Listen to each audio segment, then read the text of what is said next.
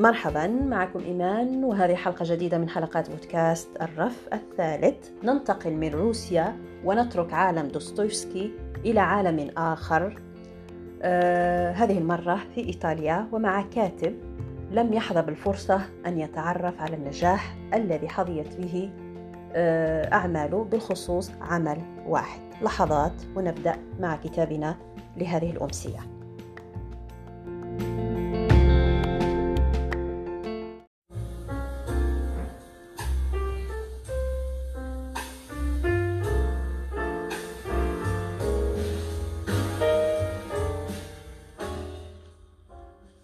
إيطالو سفيفو في تاريخ الأدب كان من كبار عشاق التدخين. علبة سجائر رافقت دائما يديه وقصدت رئتيه وضمرتهما. لكن السيجارة لم تكن هي الشيء الوحيد الملازم لإيطالو سفيفو أيضا الأوراق البيضاء أيقظت مضجع روحه فكتب إلى حدود الإنهاك. لم يستطع أن يتوقف إيتالو عن التدخين لأنه كان دائما يرى بأن السيجارة الأخيرة هي أجمل السجائر فبقي دائما يسعى إلى هذه السيجارة الأجمل. نفس الشيء بالنسبة للكتابة لم يتوقف عن الكتابة فكانت آخر أعماله الروائية هي أهمها وأجملها. إيتالو سفيفو هو كاتب إيطالي ولد في مدينة تريستي وهي مدينة حدودية.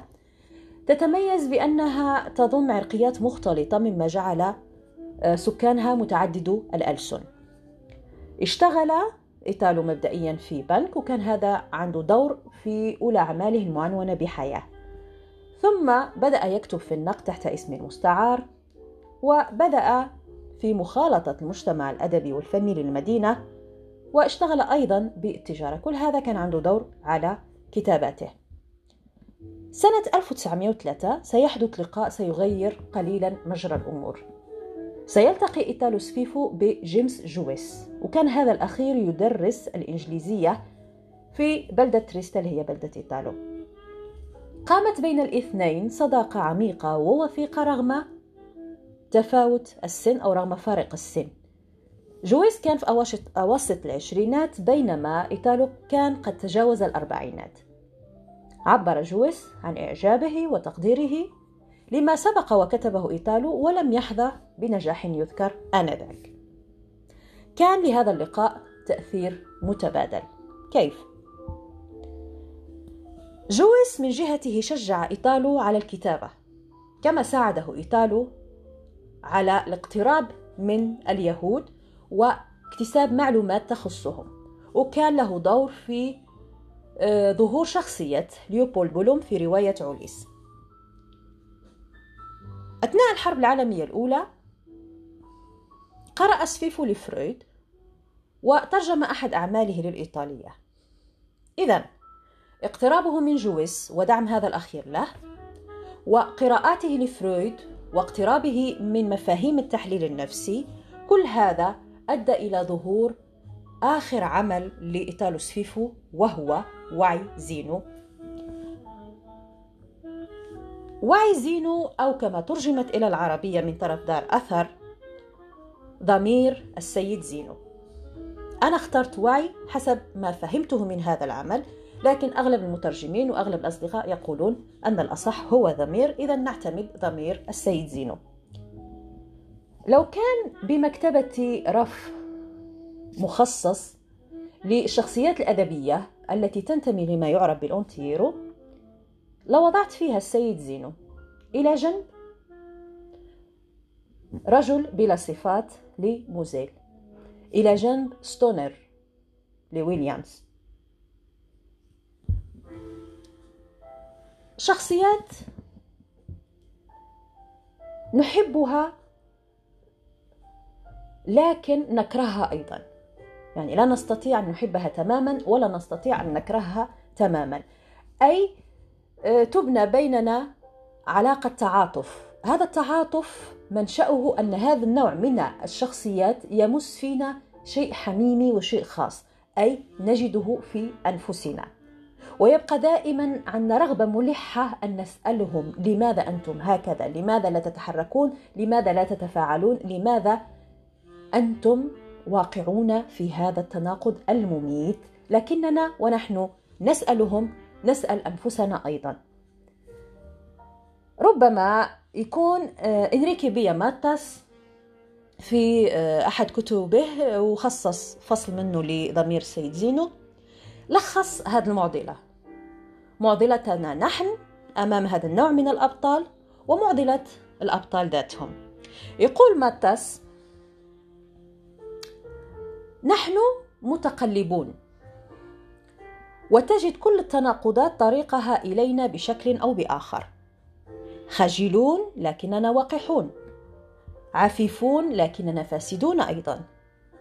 نكذب لكننا صادقون. نحن كل شيء في وقت واحد. وزينو هو المثال الصارخ لهذا التناقض. ضمير السيد زينو هي رواية نفسية. كتبت على طريقة جويس وفرجينيا وولف. يكتب سفيفو على طريقة تيار الوعي. مونولوج طويل فيه شيء من الاستبطان الداخلي اعتمده على شكل سيرة ذاتية يكتبها البطل.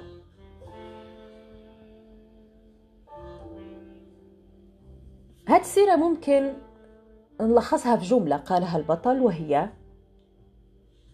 أو توحي لنا كيف ينظر هذا البطل إلى الحياة. يقول أن الحياة ليست جميلة وليست بشعة.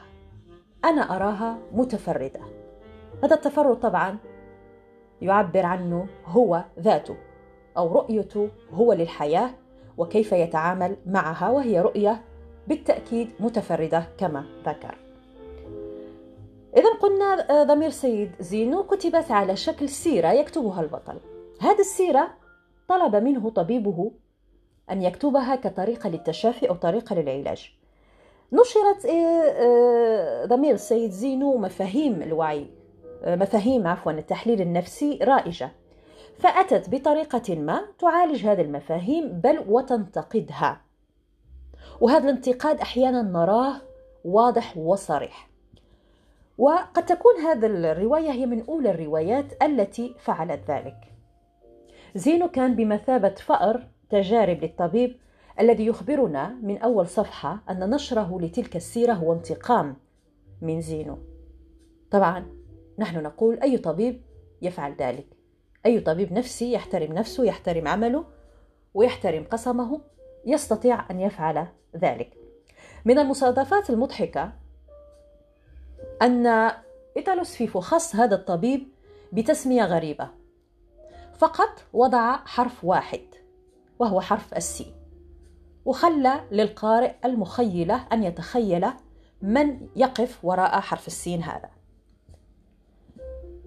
زينو يشبه على نحو ما البطل بروستي يعني نسبة إلى بروست في كسله في بطالته في ذلك التأمل حول المرض. سواء كان هذا المرض يصيب الجسد أو يصيب الروح. أحيانا لما نخشى من المرض يصيبنا المرض فعلا. لكن أسوأ الأمراض التي ممكن أن تحدث لنا هي تلك التي لا نستطيع أن ندرك ماهيتها. وهذا ما يجعل من السيرة وهذا النوع من مراجعة الذات سبيلا لمحاولة الفهم. فهل نجح فعلا زينو أن يتجاوز معضلته الوجودية بين قوسين؟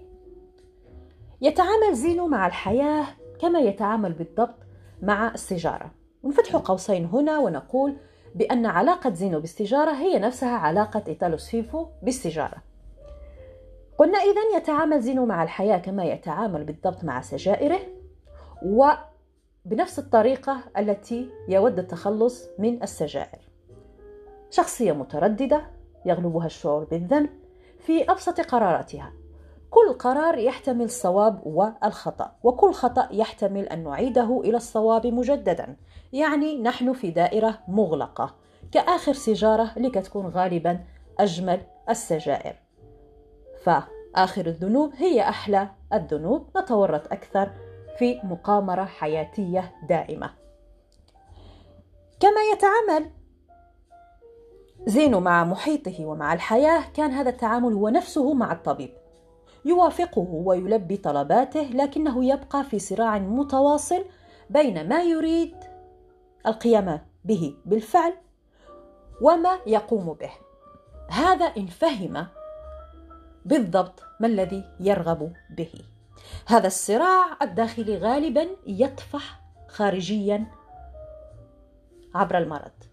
هذا يذكرني بشخصية أيضا من الشخصيات الأدبية الجميلة واللي هي شخصية المرأة في هكذا كانت الوحدة. حيث رأينا كيف الصراعات الداخلية كانت تظهر لديها عبر الاستفراغ وعبر المرض. اذا بين وعي زينو وبين لا وعي زينو كانت حياته المضطربة غير مكتملة.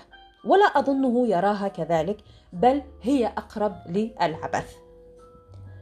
قال سفيف مرة لزوجته بأن ليس العمل ما سيجعله حيا بل الحلم.